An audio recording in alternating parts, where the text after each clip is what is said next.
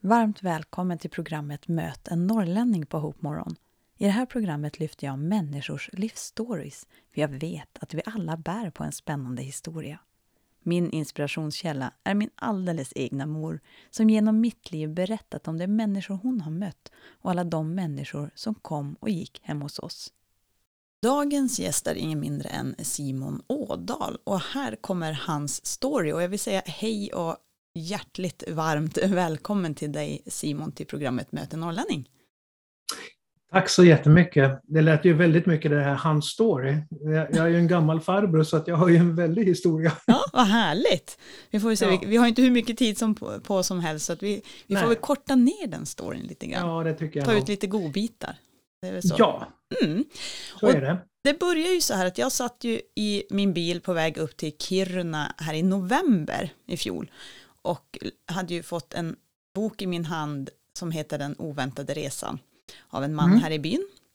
Han sa, ja. det här ska du lyssna på.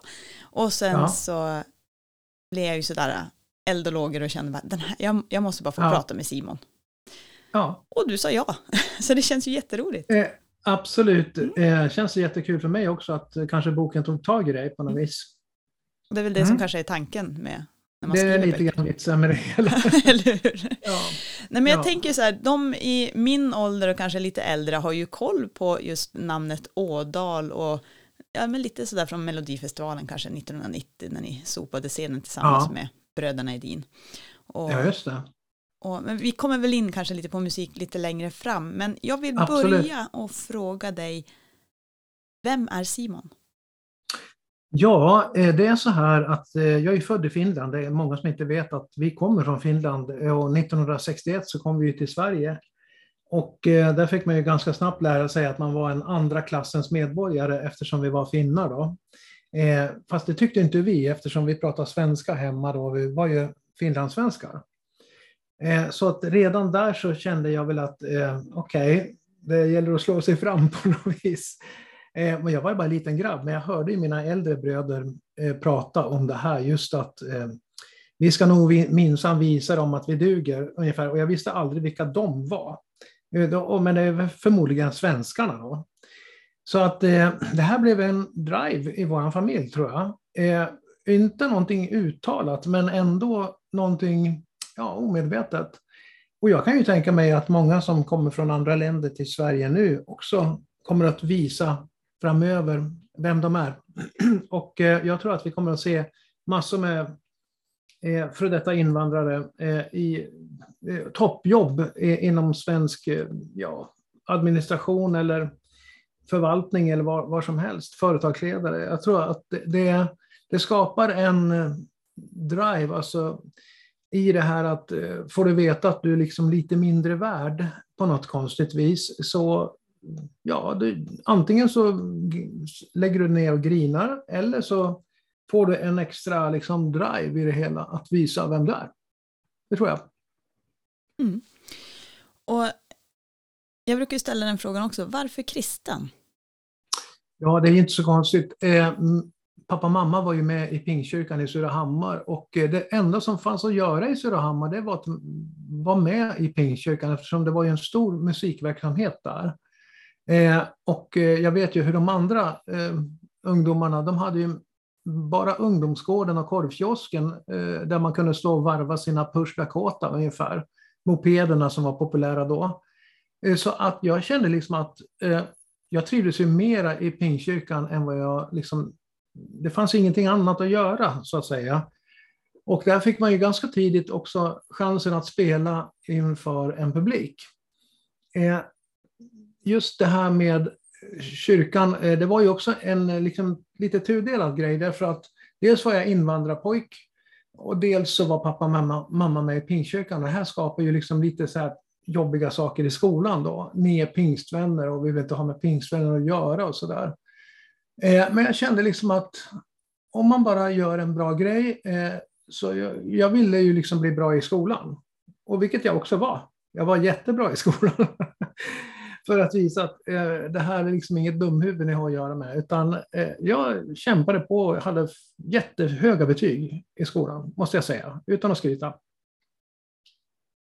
Vilket var ditt eh, absolut favoritämne i skolan? Bara bryta in så. Ja, eh, egentligen så gillar jag ju språk allra mest. Eh, det var ju så. Man kan ju tro att ja, men favoritämnet måste vara musik, men jag tyckte musiken var dötrist i skolan. Den var fullständigt dötrist. Och, Eh, jag kände liksom att det var inte relevant för en annan. Och, eh, ganska tidigt så kom jag också med då i skolorkestern och det var ju även Frank med i skolorkestern och vi tyckte det var sådana här töntiga sånger, Kindersymfoni och sånt där man skulle spela. Och Frank spelade ju trummor då, så här artigt och så ibland så, jag spelade tvärflöjt då, så tittade han på mig och så gjorde han ett riff så här, och eh, hela orkestern bara föll och jag började skratta i flöjten. Eh, och vi blev ganska snabbt uppkallade till musikdirektorn. Han, hette, han var liksom musikdirektören i kommunen. Eh, och han slog näven i bordet och sa att bröderna Ådal, jag har hört att ni ska vara musikaliska. Men jag kan inte för mitt liv spåra ett uns musikalitet hos någon av er. Okej. Okay. Och, och, Frank blev ju lite ledsen så här. Men jag sa det, strunt i gubben. Så här, eh, nu cyklar vi ner till replokalen så jammar vi lite. Och så medan vi gled ner med cyklarna ner för backen då mot vår replokal. Så tänkte jag så här, vadå inte ett uns musikalitet hos någon av er? Här ska vi, är vi på väg till vår replokal och ska jamma ihop en låt. Han fattar ju inte grejen. Han vet ju inte vad musikalitet är för någonting, så jag, jag, tog inte emot ett enda dugg av det där. Och det här blev ju lite komiskt när sen då, många år senare, så var Frank trummisen på just musikdirektörens eh, födelsedag, spela jazz. Och jag kom ju in faktiskt på, i Stockholm då, den första musikgymnasiet som fanns i Sverige, Adolf Fredrik. Och det var ju flera hundra sökande, men jag kom in där. Men min mamma tyckte att jag var för ung för att bo i Stockholm, 15 år, och spela tvärflöjt och det var ingen framtid med musik. Hon tyckte att jag skulle bli ingenjör för jag hade läshuvud. så hon såg framför mig att jag skulle gå naturvetenskaplig linje och sen så skulle jag in på KTH, eller någonting, alltså Kungliga Tekniska Högskolan. Men det blev ingenting med det. Eh, musiken blev allt för viktig och allt för stor i mitt liv. Och eh, mamma fick väl erkänna till slut att ja, det går inte att styra den här killen så, så mycket. Mm. Eh, däremot så hade vi ju, vi hade ju ett rockband i, på 70-talet och eh, vi hette Alia Jakta Est. Och vi var ju, eh, spelade ju ganska tung musik, men det var bara självmusik. Det var ingen som sjöng, utan vi hade en gitarrist, jag spelade bas och Frank spelade trummor. Och det här blev ju liv eftersom vi, hade ju, vi var ju med i en förening som hette Hammarrocken. Och där spelade vi på olika Folkets hus runt om i Västmanland. Och pappa var ju äldstebroder i Pingstkyrkan och de gnällde ju på honom och sa att hur kan dina pojkar få stå och spela rock på Folkets hus? Och pappa hade ett jättebra svar. Han pratade finlandssvenska så jag ska försöka återge hur han pratade. Du har inga pojkar, svarade han. Och det är nummer ett. Nummer två, de bara övar för de ska sen sjunga och spela om Jesus. Och han var ju rätt profetiskt sett, så att sen var ju diskussionen över. Det var ju ingen idé att prata med pappa om att pojkarna stod på Folkets hus och spelade otroligt tung rock. Och det blev ju mycket riktigt så att eh, 1978 så träffade jag bröderna Edin. Och jag kan ju säga så här, att jag tyckte de var helt töntiga. Vi kommer ju från hårdrocken alltså Frank och jag. Och så kommer de med sina liksom, lite country popmusik och sånt där. Så att jag tänkte det här blir hopplöst. Men vi spelade med dem. De frågade nämligen, vill ni, ni, spela trummor och bas till oss? Så att det var egentligen bröderna Edin som var ute och reste och vi var bara komp. Så vi hette Edin med komp de första åren. Så fick jag en idé där, för att jag sa det, Eh, vi kan väl enas om att vi gillar Eagles allihopa. Eagles är ju en, en amerikansk eh, countryrockgrupp så att säga. Och de sjunger mycket i stämmor. Och både Frank och jag sjunger och ni sjunger, så kan vi inte, kan vi inte göra så här att vi sjunger i stämmor när vi är ute? och det här blev ju en grej då att eh, vi kunde enas om att sjunga pop i stämmor och så här. Och sen med åren så blev det ju mera soul eftersom Frank är ju soulsångare. Faktum är att vi tvingar honom eh, till att vara leadsångare och stå längst fram istället för att sitta bakom några trummor. Och det ville han inte. Han ville ju sitta bakom trummorna men, men han fick inte. han var tvungen att lyda och eh, Edin Oda fick sitt säregna sound då. Egentligen hade vi inget riktigt sound ändå, för att eh, när Bertil skrev låtar då blev det på ett visst sätt, när Lasse skrev så blev det på ett annat sätt och när jag skrev då blev det mycket rockigare. Och när Frank gjorde någonting då blev det mycket souligare. Så att vi hade svårt att beskriva, vi hade ingen enhetlig stil, utan eh, vi gjorde våra låtar utifrån vad vi tyckte var bra. Och så gjorde vi dem tillsammans. Och så är det inåda, eh, skivorna från den tiden, det är ju otroligt mycket olika influenser faktiskt. Det är ju härligt att man kan liksom ha det där, eh, men som jag, jag älskar hårdrock och sen så gillar jag punk, men jag gillar även ja. country. Så alltså ja. någon blandning där, det är inte helt ja. fel liksom att få till. Nej, det är inte helt fel. Mm. och det här blev ju en grej för oss att vi så fort jag sjöng mina låtar, det var det mera rockiga låtar, för jag har en röst som passar för rock. Och Frank sjöng souligt och Lasse och Bertil var ju mera poppiga. Så här. Bertil var ju mycket inne i västkustpoppen, alltså amerikansk eh, västkustpop. Ja, det var ju en ganska märkligt band på det viset att vi var fyra personligheter som samsades under ett bandnamn. Som, vi, vi kunde inte hitta på något bättre. Vi, när vi hade rest ett tag med Edin och Komp så sa vi, vi måste ha ett bandnamn. Det kan inte heta Edin med komp. Det låter ju som en huvudvärkstablett ungefär. eh, och vi kom inte på och vi kom inte på. Sen började ju arrangörerna, de började skriva så här, Edin, bröderna Edin och bröderna Ådal. Bröderna Edin, vi heter Edin och Ådal tills vidare. Tills vi hittar på något bättre. Men problemet var att Edin och Ådal blev mycket mer etablerat och känt så här. Det var ju svårt att byta namn då efter man har spelat så mycket ute, för vi hade ganska mycket gig eh, de här första åren. Som egentligen, de, våra spelningar liknar ju väckelsemöten. För Lasse och Bertil var ju utbildade evangelister. Vi körde en, ett antal låtar, sen predikade antingen Lasse eller Bertil. Och så bjöd vi in till frälsning. Det var ju liksom hela, det var väckelsemöte fast med mycket musik i. Mm. Eh, så det var inte konserter i den bemärkelsen. Så blev det ju mer konserter sen, men det var långt senare. Vi höll ju på i många år och eh, jag kommer ihåg att vi skulle börja på heltid och det var ju ganska torftiga år, de första åren att försöka leva på heltid med att spela bara. Så att man fick mycket hjälp utifrån om säger, för att klara ekonomin. Mm. Men ändå, det var vår drive, det var vår vision. Och mitt i det här då så kom ju de här religiösa människorna i kyrkan och sa ni är från djävulen. Jag fattar ingenting. Uh, nej, vi är från Gävle. Så, vi kommer inte från Hälsingland, vi kommer från Gästrikland. Så man, man viftar bort det där, är mm. från djävulen-snacket. Eh, och jag kan inte förstå än idag, när man ser unga pojkar som brinner för en grej liksom, och, och verkligen vill med hela hjärtat vara till tjänst för Jesus, hur kan man säga så? till unga människor. Mm. Eh, och det har jag faktiskt haft svårt att svälja än idag. Vad var det som gav dem rätten att, att liksom bara döma ut oss utan att veta någonting? Vi kommer alldeles strax tillbaka till eh, samtalet.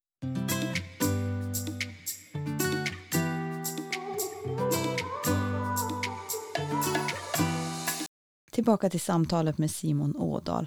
Jag vet att du och Frank, alltså din bror, att ni var ute som unga pojkar och samlade in pengar genom era spelningar. Kan du berätta lite mer om det? Till saken hör ju att innan bröderna Edin var ju Frank och jag ute i många, många år som småpojkar. Och vi släppte skivor och vi var inblandade i bibelsmuggling till eh, Jugoslavien och Rumänien.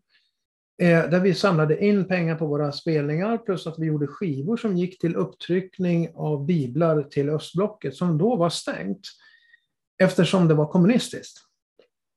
Så att eh, människor som sysslar med bibelsmugglingen på den tiden riskerade faktiskt sina liv med, med de här biblarna och så. Och jag har ju ett ganska otroligt minne från Rumänien för att jag var där med en sångare som heter John Schlitt. Han eh, sjunger i Petra. Och jag var med i bandet och vi hade en spelning, jag tror det var 2009. Så hade vi en spelning i Transylvanien i Rumänien, i ett ställe som heter Torda. På ett hotell och eh, det var sån här unplugged. Vi, vi hade inte kopplat in några förstärkare utan det bara akustiska gitarrer och lite sånt där enkelt. Och då var det väl 400 inbjudna från hela Rumänien, alltså aktiv, ja, aktiva kristna människor. Då. Och då säger ju John till mig att eh, Simon, I need a break. Jag, jag, måste ha en paus. Så jag går nu, du får ta över här. Så plötsligt så står jag där med 400 rumäner. Och då sa jag till dem så här bara, by the way, eh, den enda kontakten jag har haft med Rumänien, det är inte att jag varit här, men när jag var liten pojk så eh, var jag inblandad i en organisation som heter Operation Segerpil. Och eh, vi var med och sponsrade med våra skivor och med våra spelningar bibeltryckning till just Rumänien. Och det blev alldeles tyst i lokalen. Och jag tänkte, jag har sagt något fel. Och så var det en man längst bak som började och sen började hela publiken, de ställdes upp och jag fattade ingenting. Och sen kom de fram. Jag fick ju lägga från mig min gitarr och jag gick ner och de ville kramas, de ville pussa på kinden, de tog selfies. Eh, mormor, han är här nu, en från dem som gav oss biblar är här. Och så berättar de att de har alltid i alla år funderat på varifrån dessa biblar hade kommit som de hade vilka, för det stod ju ingenting i biblarna printed in Sweden, det stod liksom inget sånt, utan det, det var bara en bibel. Så berätta, jag berättade då att min äldre bror Dan var med en resa då, hur de då hade dubbelbottnade turistbussar. De hade satt in flera tusen biblar i de här dubbelbottnade grejerna under bussen. Sen åkte de ut när de kom in i Rumänien, de låtsades vara ett turistgäng som skulle bada i Svarta havet ungefär. Men de åkte ut på landsbygden och mötte bilar där, där man lastade av de här smuggelbiblarna. Och då var det väldigt viktigt att kolla att inte fyra eh, billysen syntes längre bort, för då var, det, då var det säkerhetstjänsten som kom. De kom alltid två bilar. Men var det bara två billysen, då var det lugnt, för då var det någon bonde som skulle hem. Och då berättade en av publiken där, han sa att jag var liten grabb och jag höll utkik när, när bussarna lastade av. Så jag var med då. Och eh, ja, det blev alltså en sånt gråt och prisa Gud-kalas där så att John visste inte hur, hur ska jag kunna fortsätta efter det här. Det går ju inte. Publiken är i liksom fullständig upplösning över det här att de har fått kontakt med eh, det här gänget som, som stod bakom bibelsmugglingen. Och jag sa det att det är inte mig ni ska prata med, utan ni ska prata med Rolf Wernersson nu är han hemma hos Herren, men Rolf och en annan som heter Pete Vandril, de var de som arrangerade och organiserade hela den här smugglingsdelen. Eh, jag kan säga att 1975 var vi tvungna att sluta för då hade allt för många försvunnit i nätverket. Det var väldigt mycket angivare och det var Securitate som det hette, inte KGB utan Securitate hette Rumäniens säkerhetstjänst. De hade kartlagt hela nätverket så det var bara att sluta. Men åren 69 till 74 så, så pågick det här. Och det var så starkt att få möta människorna, för de sa så här, vi är ju resultatet av er bibelsmuggling. Tack vare att farmor eller farfar fick tag i en bibel så är ju vi frälsta idag. Och så jag tänkte på det här, sänd ditt bröd över vattnet, med tiden eh, så kommer det tillbaka. Och lite den välsignelsen var det. Och jag, jag jag visste inte vad jag skulle ta vägen. När det var frukost nästa dag så, så kom det en man springande och han sa det, min farmor hälsar och så fick jag hennes smuggelbibel. Wow. Jag har den. Jag har den. Wow, så häftigt. Wow, alltså det mm. var, det var så oväntat. Jag hade inte förväntat mig det här, utan det var liksom bara, by the way, den enda kontakten jag haft med Rumänien är just att jag var inblandad som liten grabb i ett bibelsmugglingsnätverk. Eh, så när oväntad välsignelse, oväntat starkt blev det, det, det tog mig. Så jag ringde ju Sverige och jag ringde runt till alla som, var, som jag kände då som var inblandade med det här och sa att fattar ni, jag tror inte vi förstår vilken betydelse det här hade. För vi hade ju liksom inga rapporter, det fanns inget internet, det fanns liksom ingen som hej, jag har tagit emot er smuggelbibel. Men förra hösten så var jag i Uppsala Eh, och eh, då fick vi ett pris. Jag, jag bildade nämligen något som heter EV-fonden 2016 eh, och det har att göra med evangelisation av Sverige. Och Roger Larsson bjöd in oss i Uppsala och jag fick tillsammans med Sebastian Staxett dela på Roger Larssons evangelistfond. Så jag var ju så lycklig över det här att wow, vi fick det priset. Liksom. Åh, nu kan vi öppna EV-fonden Norge. och så när jag kommer ner så står en kvinna och pratar med Örjan, som är min kompanjon då, som jag brukar resa med. Och då sa hon så här att när jag, jag skulle inte ha varit till om inte min mamma hade fått tag i en smuggelbibel. Och så berättade hon att hon kom från Rumänien och eh, hon kom till Sverige. Hon hade blivit frälst, mamman hade blivit frälst och eh, mamman hade tänkt ta abort. Men ångrade sig när hon fick den här bibeln i handen.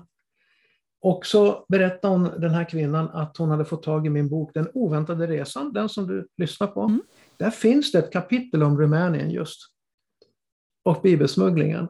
Och då, hon upplevde det hur den helige Ande sa till och med sidnumret i pocketen.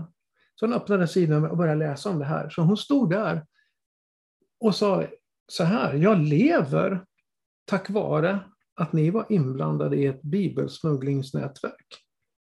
Jag vet att jag höll ju på att bryta ihop där, för att det var ju större än alla priser. Mm. Här står en livslevande människa liksom, och gråter och prisar Gud. Och jag menar, vad ska man säga, kan det finnas en större guldklimp efter vägen att få? Mm. Jag var bara liksom en liten del av det hela eftersom vi sjöng och spelade och gjorde skivor och det, pengarna fick gå till upptryckning. Jag menar, det var ju alla andra vuxna, de gjorde ju jobbet. Jag var ju bara en liten grabb. Men att få vara det, med om det, det, här stora ändå som det och jag menar, ja, som du säger, bara, ja, bara man alltså, gjorde det för en person så var det ju värt det kanske. Ja, ja men snälla, snälla, alltså mm. det var ju det var ju precis som man fick en kram av Gud själv. Alltså, eh, wow! Häftigt.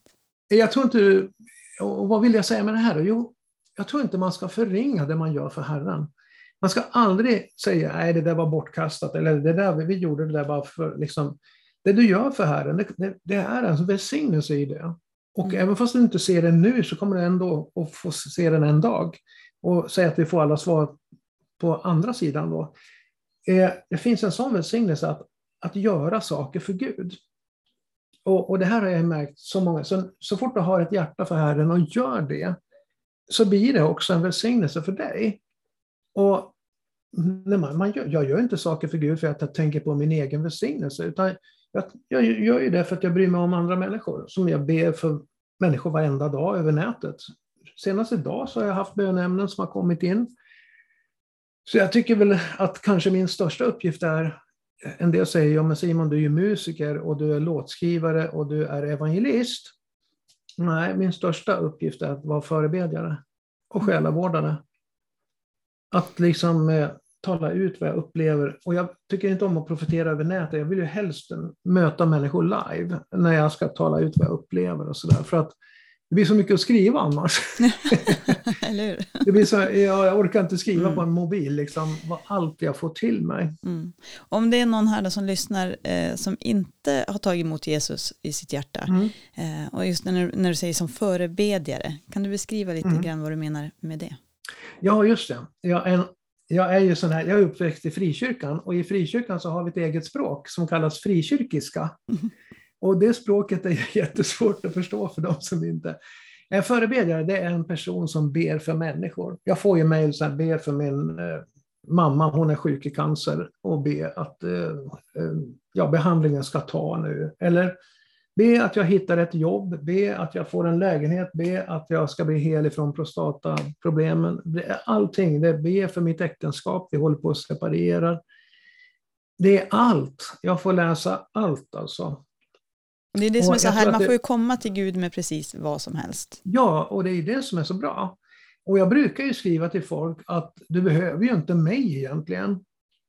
Eh, du behöver inget ombud för att prata med Gud direkt. Så att du som lyssnar nu och inte prövar det här, sätt dig ner och så säger Jesus, jag vill att du tar över mitt liv. Jag vill att du kommer in i mitt liv. Jag vill att du blir min Herre. Förlåt mig för det jag har hållit på med och jag vill börja gå de här bra vägarna tillsammans med dig istället för de här dåliga vägarna som har brutit ner mig. Och det är på frikyrke, frikyrkiska ett ord som heter man blir frälst. Mm. man, man, lämnar de dåliga vägarna och börjar gå bra vägar istället. Mm. Är en jättebra idé, för då mår man mycket bättre helt och hållet. Och alla runt omkring mår också mycket bättre att du hittar de bra vägarna istället för de dåliga. Mm. Jag måste bara få fråga dig det här med eh, att det kan ju hända som i livet att man kanske vänder ryggen mot Gud en stund i livet ja. och sen ja, kanske ja. hittar tillbaka. Ja, helt naturligt. Och vad skulle du vilja, har, har det hänt dig?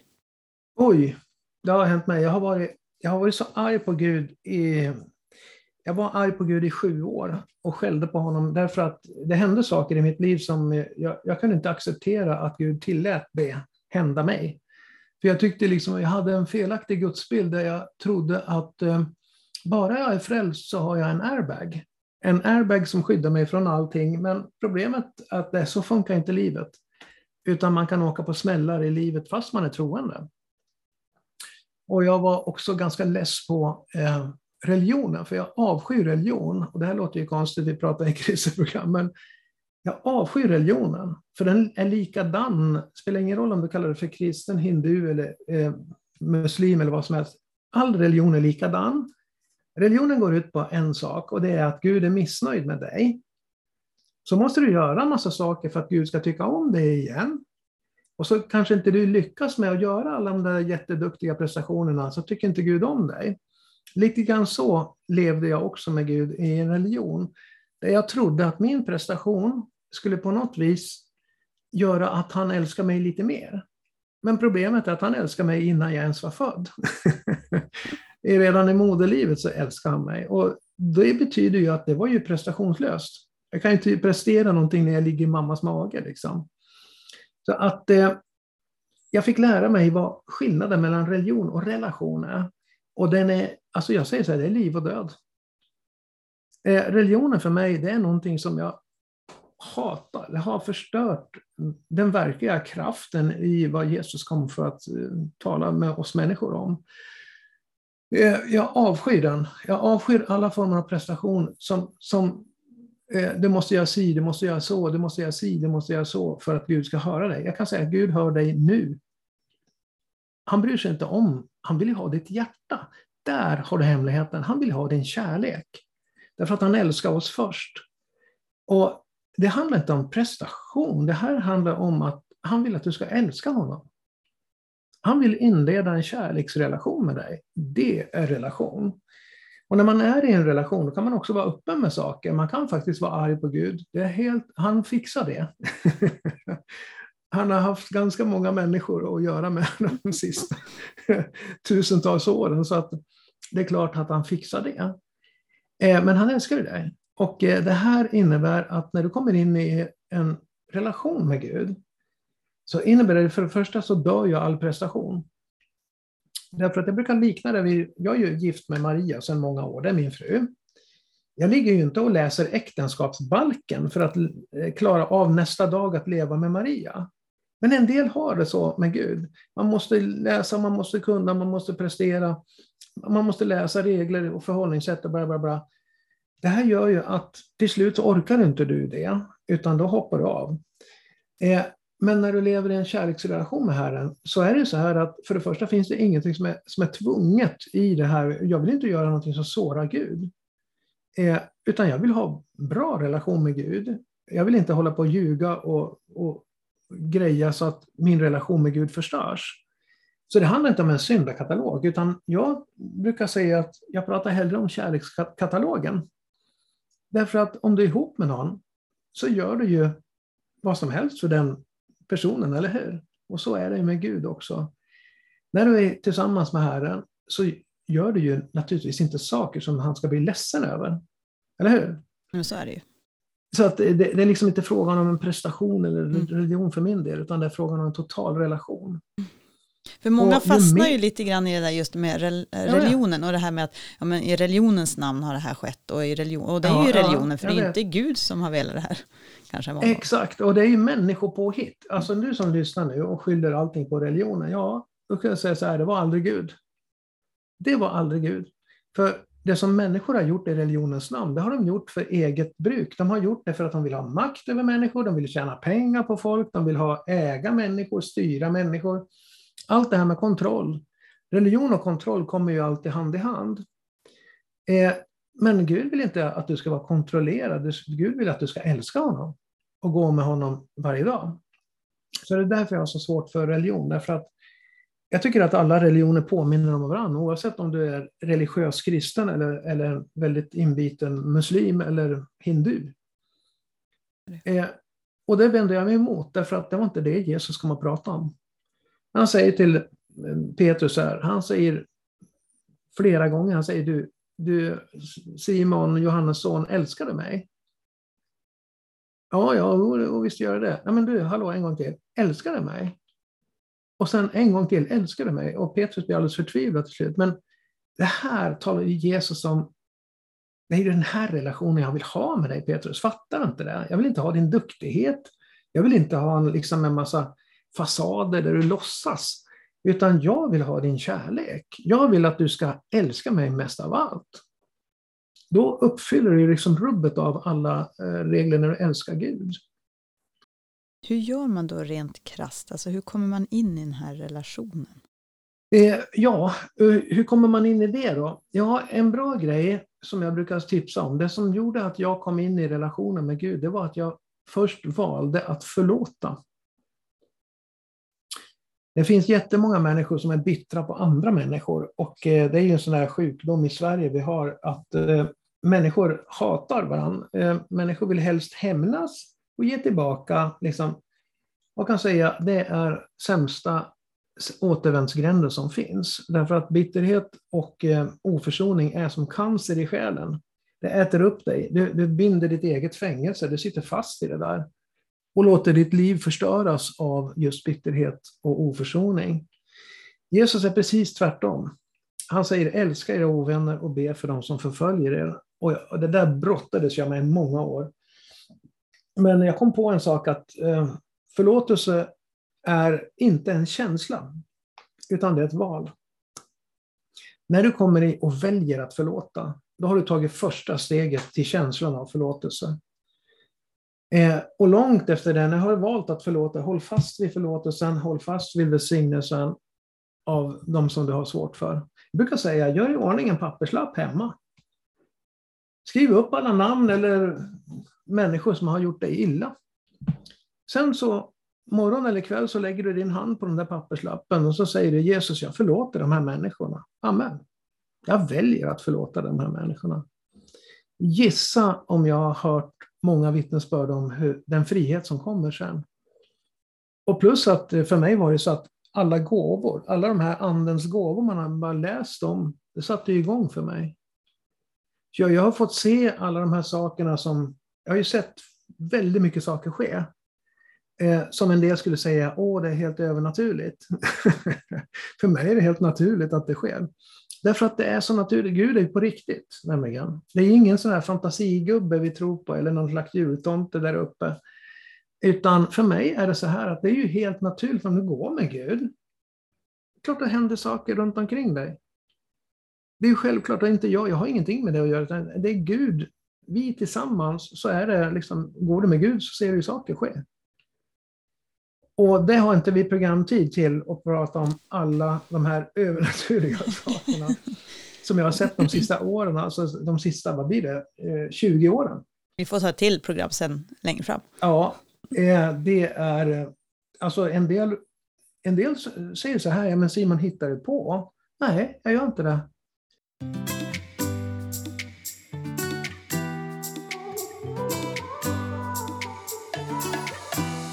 Jag sitter här med Simon Ådal och vi har pratat om att skillnaden mellan religion och relation är liv och död. Sen har vi även pratat om bitterhet och oförsoning, att det är som en cancer i själen och att den äter upp dig inifrån. Jesus säger att vi ska älska våra ovänner och be för dem som förföljer dig. Förlåtelse är inte en känsla utan att det är ett val. Simon, jag vet att du och din granne har haft olika projekt. Kan du berätta lite mer om det?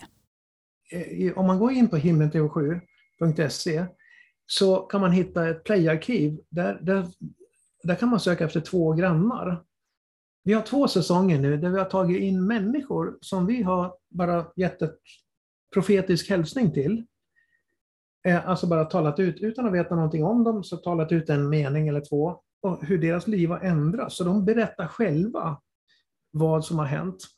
Men jag tycker inte att det är något konstigt att, att eh, om du går med Gud så sker det saker. Och det sker saker ibland utan, utan att jag begriper inte ens hur det kunde hända. Därför att ibland så har det skett saker, man har haft ett möte någonstans, så, så är det någon som bara ropar jag är hel. Jaha, men jag har inte ens bett för dig. Eller jag har inte ens gjort någonting, förstår du? Mm. Utan det är bara Gud som har rört vid människor. Mm. Och det här är häftigt. Men jag tänker lite grann på, för, för, i Bibeln står det på ett ställe om när en kvinna som bara rörde vid hans mantel liksom. Mm. Lite grann ja. det här att, att jag menar, där Gud är, där, han, han verkar ju liksom överallt. Och... Ja, så är det. Och, eh, och, och, hon var väl inte speciellt duktig. Alltså, det står ju ingenting om hennes religiösa prestation innan, utan hon tänkte bara, bara jag får röra vid honom. Och då tror jag en del, ja, men hon hade så mycket tro, hon hade så mycket, nej men vet du vem hon trodde på? Hon trodde på Jesus. Och det är det som gjorde henne hel.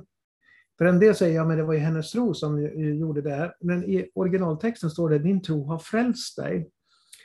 Och det betyder att när man blir frälst, hur blir man frälst? Jo, det är genom Jesus man blir frälst. Din tro på Jesus har frälst dig med andra ord. Så att jag kan säga så här att min tro är jag kan möta vilket bönämne som helst och, och jag känner inget speciellt så här att åh, jag har jättetro för att det ska ske eller att min tro ska göra någonting speciellt nu, utan den, den enda tro jag har, det här är ganska befriande när jag säger, inte bara tro, jag vet att Gud hör när jag ber. Jag vet att Gud hör när jag ber. Det räcker. Då sker det saker. Många gånger har jag inte haft ett dugg tro på att det skulle ske, ändå sker det. Därför att Gud får göra hela jobbet och jag kan inte ta någon ära ifrån Gud för det som sker. Så att jag kan säga att det är väldigt mycket konstig undervisning om det här med tro, att man måste ha tro som man nästan spricker, men det låter nästan lite new age då. Att om du bara tänker positivt, om du bara har tro och tänker positivt så kommer det här att hända. Det är new age. Så det, för mig är det min tro och det är mitt senapskorn som jag brukar säga. Det är att jag vet att Gud hör när jag ber. Och det räcker. Därför att det är han som ska göra jobbet, inte jag. Inte min duktighet, inte min prestation, inte min tro. Men när jag ber, då vet jag att han hör. Och det gäller ju Basic. alla. Det är Visst är det enkelt, mm. Visst är det enkelt att, att, tänka så, därför att då, då är det så här, då kan du ju faktiskt be för vem som helst. Men ändå är det så svårt att tro för människor. Ja. Fast det är enkelt, alltså så. Ja, eh, men om du bara har den här tron att du vet att Gud hör när du ber, så räcker det otroligt långt. Då kan du faktiskt be för de svåraste fallen som, som finns.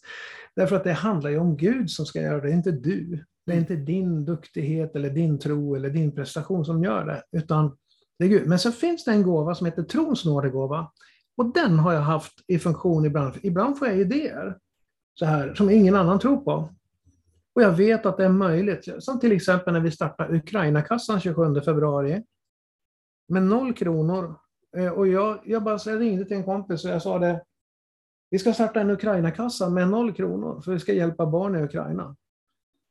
Och då började han nästan gråta. Då säger han, jag fick samma tilltal alldeles nyss. Okej, okay, ja, då är vi på rätt väg. Så vi startar på noll kronor.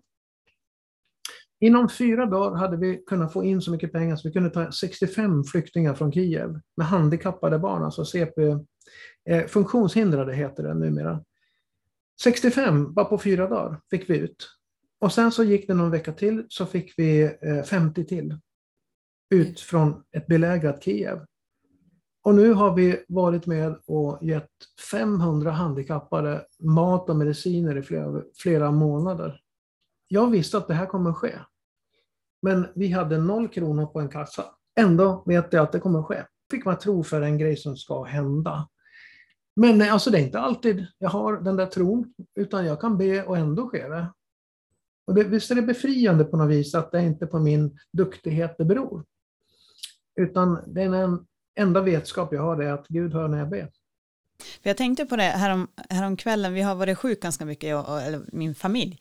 Och mm. eh, allihopa, vi hade en fruktansvärd hosta som satt i nu i flera veckor. Och vi kanske inte mm. riktigt mm. helt i rösten än på det.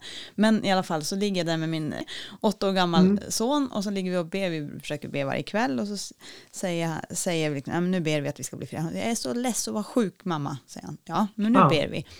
Eh, och så mm. bad vi och så sa han, mamma varför blir vi inte friska? Säger han då. Och då blir det så här, mm. okej okay, vad ska jag säga nu? Och då, då kom jag på, eller om, om det var Gud som gav mig den liksom, idén. Och så här, vet du vad, jag tror faktiskt det är Gud som, som jobbar på mammas tålamod just nu. Så, ja. här, så här, nu, nu ber vi att mamma ska få ett, ett tålamod, ja. att, att, att, vi ska fortsätta att be att vi ska bli friska. Ja, Ja, och så. vad är ni idag då? Är ni friska idag? Vi är friska idag, så nu har de varit ja, och badat i havet. Fick, du fick ju Jag fick bönesvar, ja då, absolut. Men det handlar inte om din tid, det handlar Nej. om Herrens tid, så eller hur? Så är det. Och det är det svåraste, att lära sig Guds tid mm. och mm. min tid. Det är alltid en krock där. Man ja, vill alltid att det ska ske på en gång. Ja, men, och helst i ja. detta samhälle som vi lever i idag, där det är snap, snap, köp, köp, det ska gå fortare än ja. kvickt liksom. Med allting, ja. och alla likes och vad vi nu ska jaga. Ja, jag vet, allting är bara en quick mm. fix alltihopa. Så och är så är det ju också när, när människor kommer till mig och säger, du Simon har ett budskap till mig. Mm. Och då, då vill de ha en quick fix, helst vill de ha en karta som ja. de ska klara av livet. Mm. Eh, men i Salteren så står det, ditt ord är mina fötters lykta. Och jag tänker på en lykta, där ser man ju inte många steg framför sig. Om du går i en mörker och har bara en liten lykta, du ser ju kanske 4-5 meter fram, du ser inte 60 000 kilometer fram eh, hur du ska gå. Utan du måste hela tiden ha den här lyktan. Därför att det handlar ju om att livet är ju till för att vi ska lära oss saker. Tillit till exempel är en jättejobbig läxa och man ska ha en tillit till Herren. Det kan vara att du ska lära dig förlåta, det kanske är det att du ska lära dig ha tålamod, du ska lära dig olika saker för att du ska bli en lärjunge som är, som är fullärd. Och det blir vi ju nästan aldrig då. Men faktum är att vårt mål faktiskt som kristna är ju att bli lika Jesus ju längre vi vandrar med honom. Och det här, eh, att fostra lärjungar, där känner jag att församlingarna har jättemycket jobb att göra. Människor går av tradition två timmar till kyrkan, sen går man hem och sen är det inget mer. Man delar inte sin tro i vardagen och inte till någon annan. Och så nästa söndag är man tillbaka igen och jag kallar det för ubåtsfrälsningen.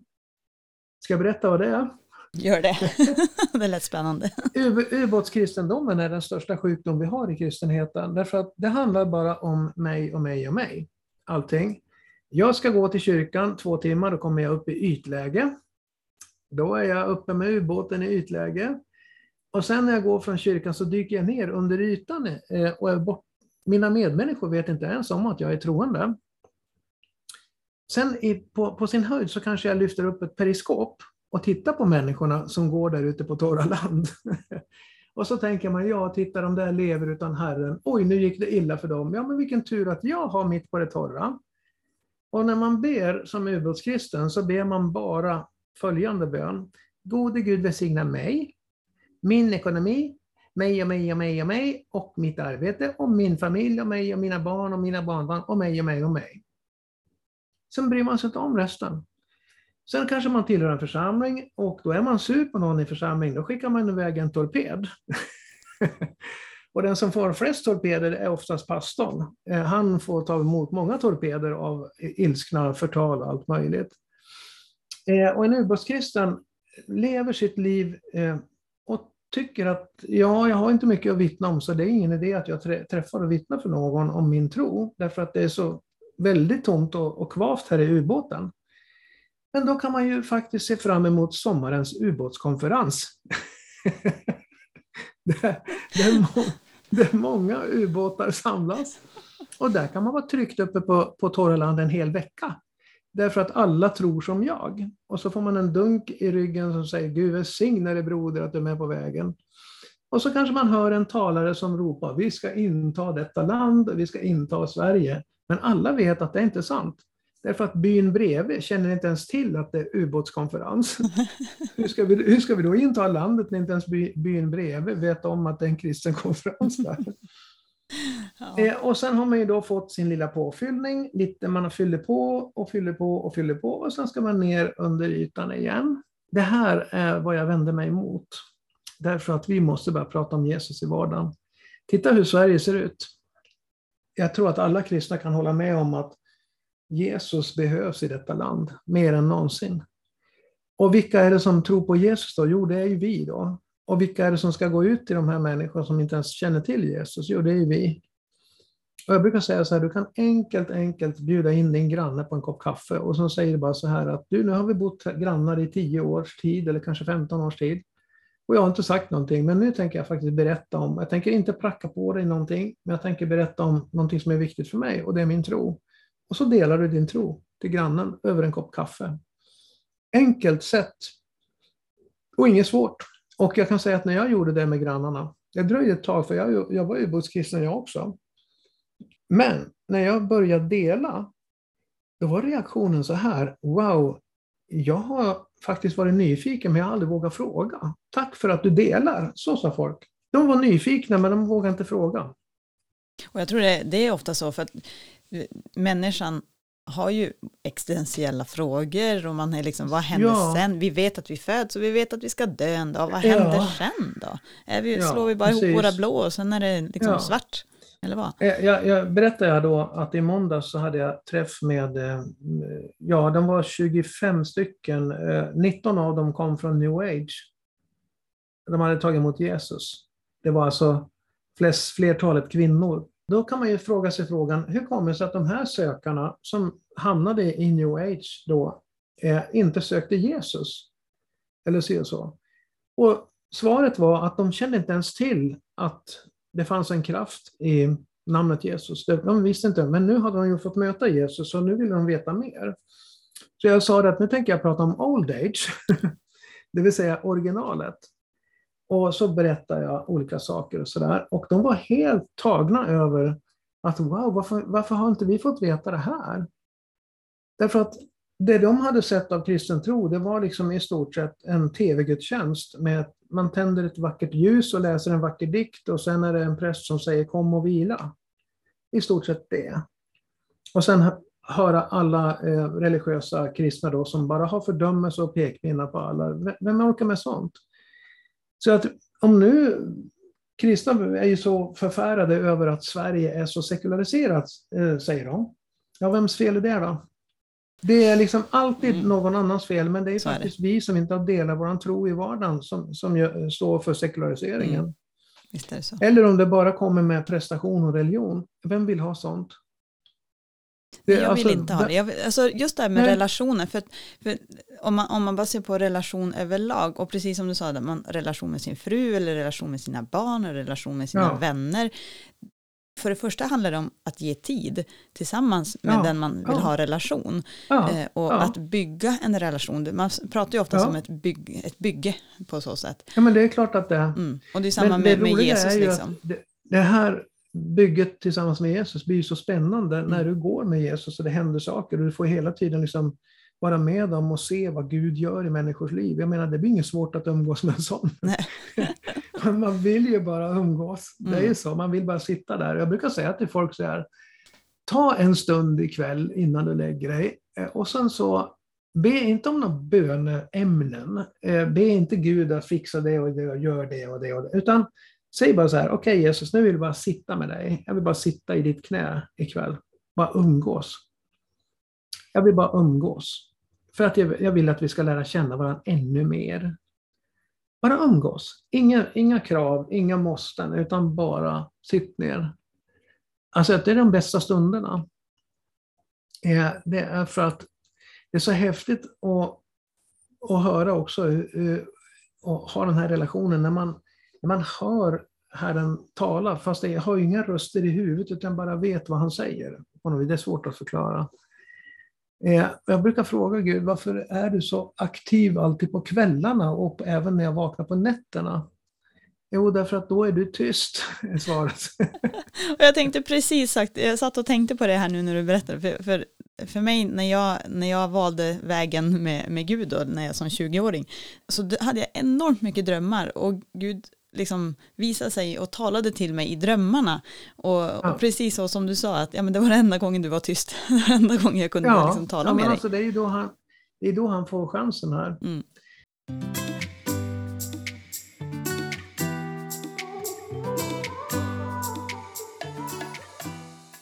morgon presenteras i samarbete med Rejerströms arkitektur som skapar fastighetsvärden och utvecklar moderna kyrkmiljöer runt om i hela Sverige.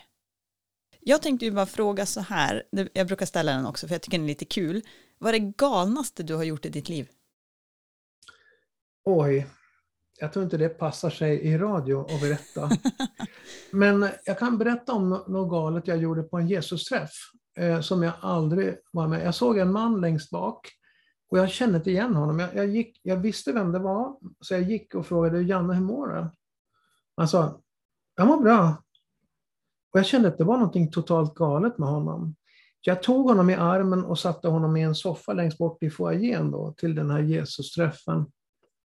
Så frågade jag en gång till, hur mår du? Jag mår bra.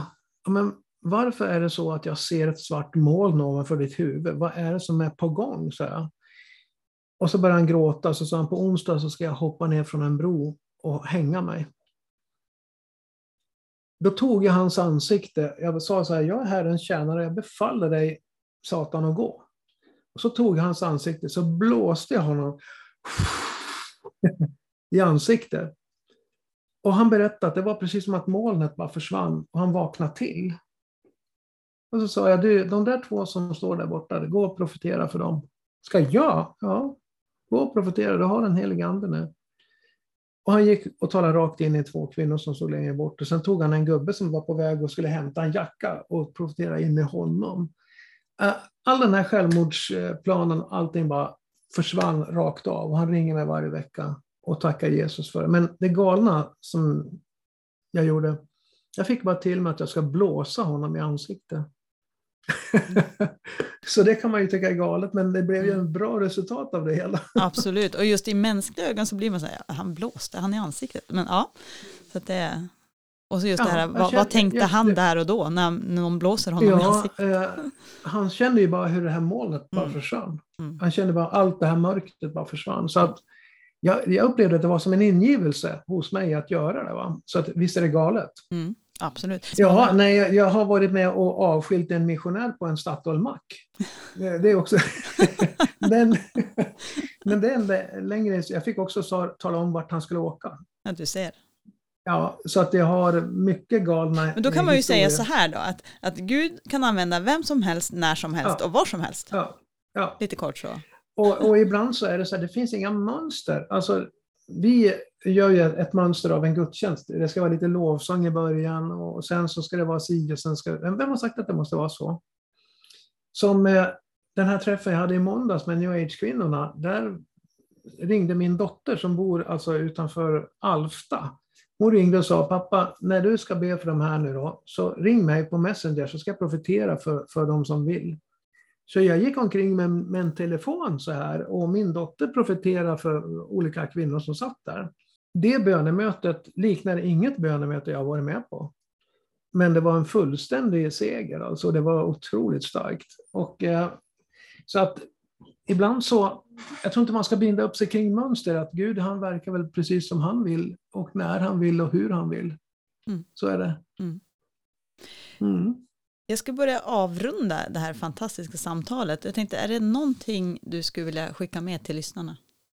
Mm. Är du som är kristen, eh, bjud in grannen på en fika och berätta för grannen varför du är kristen.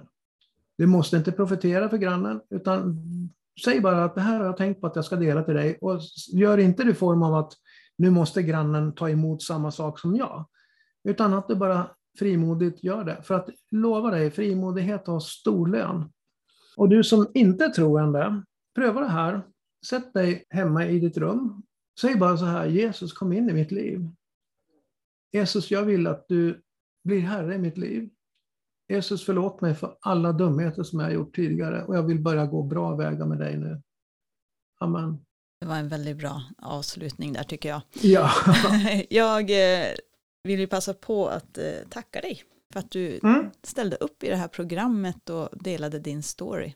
Och så, ja, det var bara en lycka- liten del. ja då, men det, det kanske kommer fler gånger, vi får väl se, det var väldigt trevligt. Ja. Men Ja. lycka till med allt det du företar dig och Mm. Gud välsigna dig och din fru Detsamma, Maria. detsamma. Mm. Ja, ha det så gott då.